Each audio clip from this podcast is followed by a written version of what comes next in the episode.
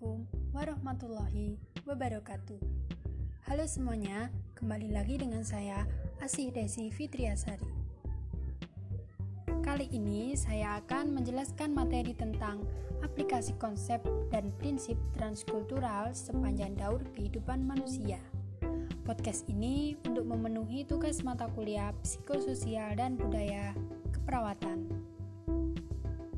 Baik, yang pertama, Transkultural nursing adalah suatu area atau wilayah keilmuan budaya pada proses belajar dan praktik keperawatan yang fokus memandang perbedaan dan kesamaan di antara budaya dengan menghargai asuhan sehat dan sakit didasarkan pada nilai budaya manusia.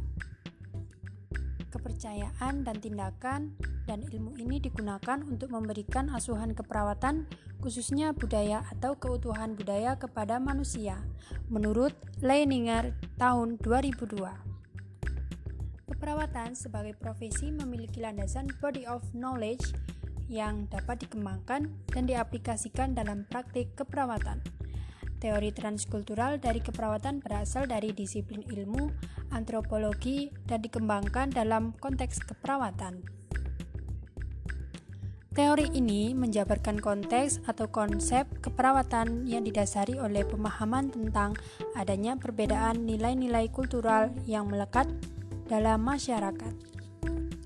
Menurut Leininger, sangat penting memperhatikan keragaman budaya dan nilai-nilai dalam penerapan asuhan keperawatan kepada klien. Bila hal tersebut diaplikasikan oleh perawat, akan mengakibatkan terjadinya cultural shock. Cultural shock akan dialami oleh klien pada suatu kondisi di mana perawat tidak mampu beradaptasi dengan perbedaan nilai budaya. Selanjutnya, tujuan dari transkultural nursing adalah untuk mengidentifikasi, menguji, mengerti, dan menggunakan norma pemahaman keperawatan transkultural dalam meningkatkan kebudayaan spesifik dalam asuhan keperawatan. Selanjutnya, kita mengarah pada inti dari materi, yaitu aplikasi konsep dan prinsip transkultural sepanjang daur kehidupan manusia. Yang pertama, perawatan kehamilan dan kelahiran. Kehamilan dan kelahiran bayi pun dipengaruhi oleh aspek sosial dan budaya dalam suatu masyarakat. Dalam ukuran-ukuran tertentu, fisiologi kelahiran secara universal sama, namun, proses kelahiran sering ditanggapi dengan cara-cara yang berbeda oleh aneka kelompok masyarakat menurut Jordan tahun 1993. Berbagai kelompok yang memiliki penilaian terhadap aspek kultural tentang kehamilan dan kelahiran menganggap peristiwa itu merupakan tahapan yang harus dijalani di dunia. Salah satu kebudayaan masyarakat Kerinci di Provinsi Jambi misalnya, wanita hamil dilarang makan rebung karena menurut masyarakat setempat jika wanita hamil makan rebung maka bayinya akan berbulu seperti rebung. Selanjutnya, memakan jantung pisang juga diyakini menurut keyakinan mereka akan membuat bayi lahir dengan ukuran yang kecil. Dalam kebudayaan Batak, wanita hamil yang menginjak usia kehamilan 7 bulan diberikan kepada ibunya ulos tondi agar wanita hamil tersebut selamat dalam proses melahirkan. Ketika sang bayi lahir pun, nenek dari pihak ibu memberikan lagi ulos tondi kepada cucunya. Sebagai simbol perlindungan, sang ibu akan menggendong anaknya dengan ulos tersebut agar anaknya selalu sehat dan cepat besar. Ulos tersebut dinamakan ulos parompa. Pantangan dan simbol yang terbentuk dari kebudayaan hingga kini masih dipertahankan dalam komunitas dan masyarakat. Dalam menghadapi situasi ini, pelayanan kompeten secara budaya diperlukan bagi seorang perawat untuk menghilangkan perbedaan dalam pelayanan, bekerja sama dengan budaya berbeda, serta berupaya mencapai pelayanan yang optimal bagi klien dan keluarga. Menurut Meutia Farida Swasono, salah satu contoh dari masyarakat yang sering menitik beratkan perhatian pada aspek krisis kehidupan dari peristiwa kehamilan dan kelahiran adalah orang Jawa yang di dalam adat istiadat mereka terdapat berbagai upacara adat yang rinci untuk menyambut kelahiran bayi seperti pada upacara mitoni, rocotan, dan Brokohan. Perbedaan yang paling mencolok antara penanganan kehamilan dan kelahiran oleh dunia medis dengan adat adalah orang yang menanganinya.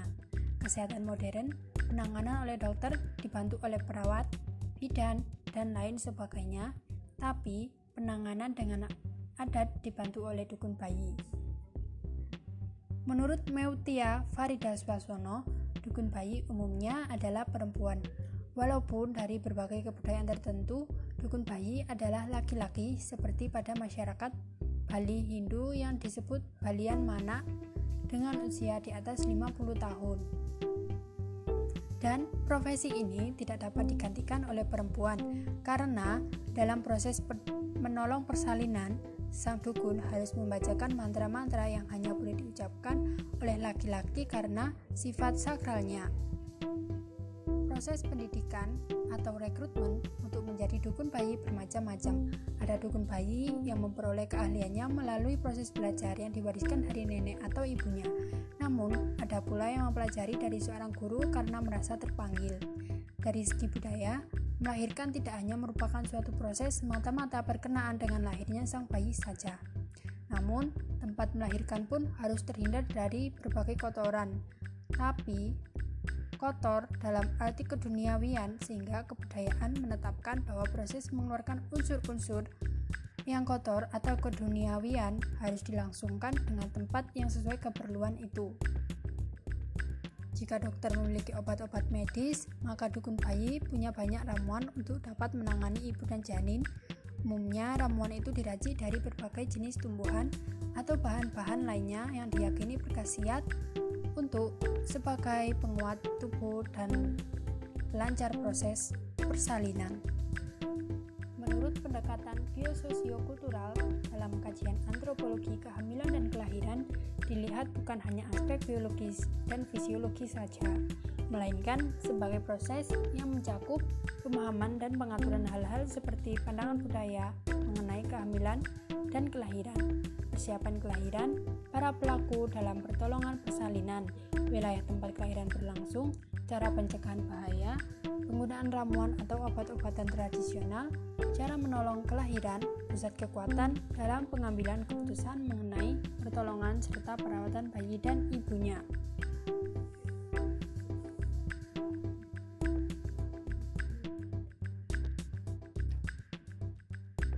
Berdasarkan uraian di atas, perawat harus mampu memahami kondisi kliennya yang memiliki budaya berbeda.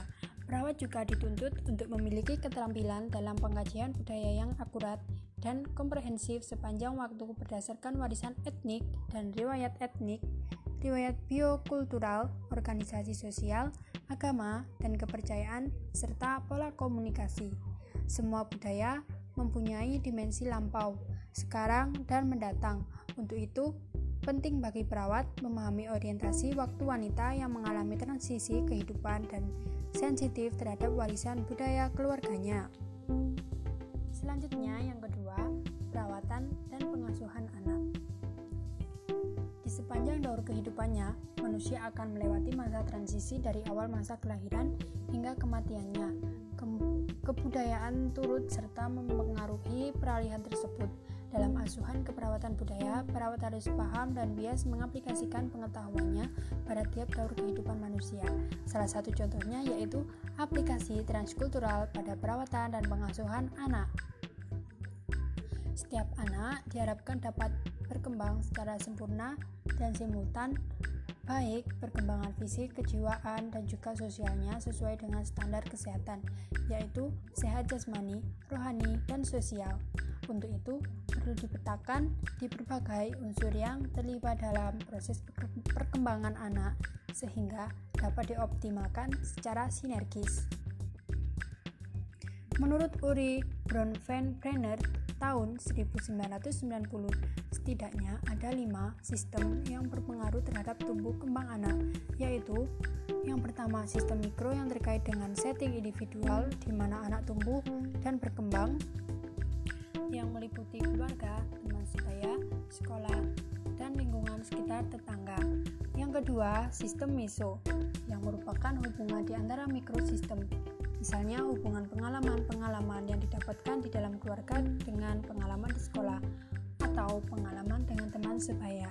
Yang ketiga, sistem EXO yang menggambarkan pengalaman dan pengaruh dalam setting sosial yang berada di luar kontrol aktif, tetapi memiliki pengaruh langsung terhadap perkembangan anak, seperti pekerjaan orang tua dan media massa.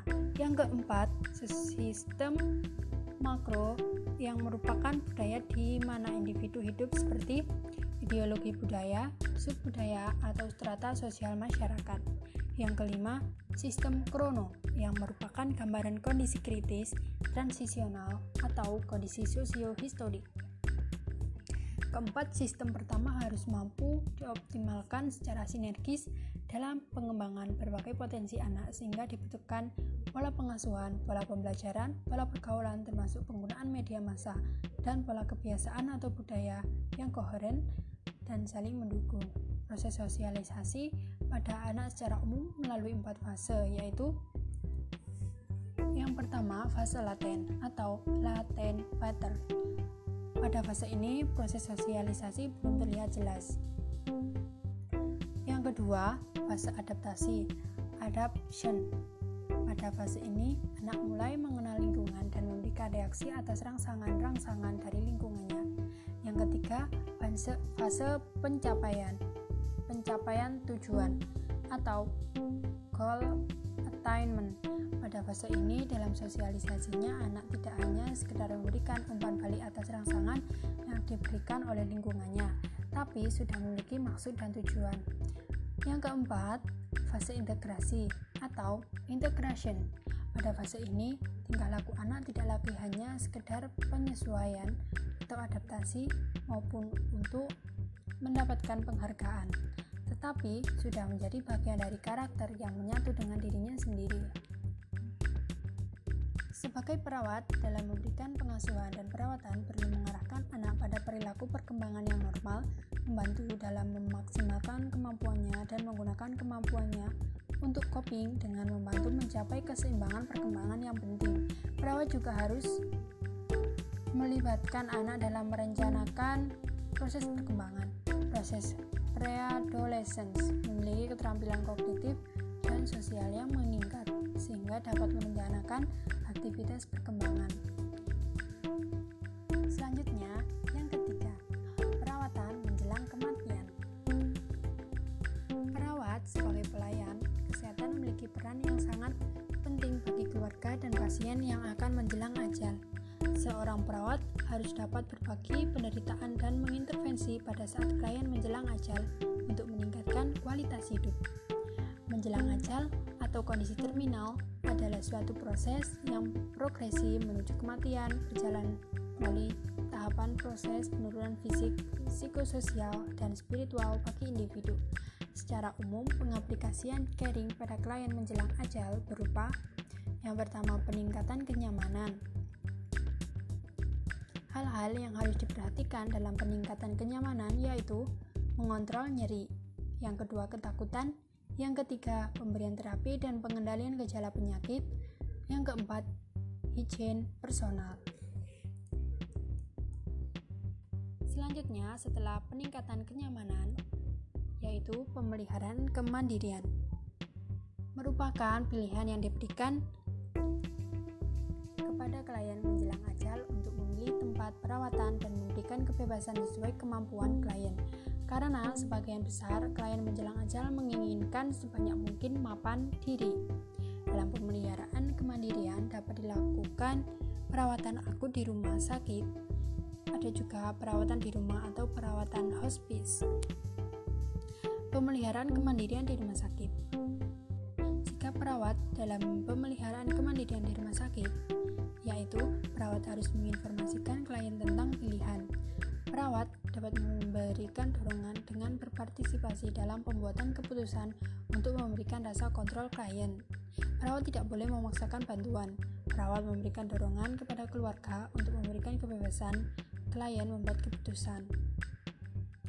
Setelah pemeliharaan kemandirian di rumah sakit, yaitu pemeliharaan kemandirian di rumah atau perawat hospice, yaitu keperawatan yang berpusat pada keluarga yang dirancang untuk membantu klien sakit terminal untuk dapat dengan nyaman dan mempertahankan gaya hidupnya senormal mungkin sepanjang proses menjelang ajal. Selanjutnya ada pencegahan kesepian dan isolasi.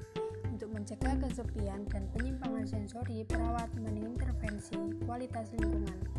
Hal-hal yang dapat dilakukan untuk mencegah kesepian dan isolasi yaitu menempatkan pasien pada ruangan biasa atau bergabung dengan pasien lain, tidak perlu ruangan sendiri kecuali pada keadaan kritis atau tidak sadar. Yang kedua, melibatkan klien dalam program keperawatan sesuai kemampuan klien agar klien merasa diperhatikan. Yang ketiga, berikan pencahayaan yang baik dan bisa diatur agar memberikan stimulus yang bermakna. Selanjutnya, melibatkan keluarga dan teman untuk lebih perhatian.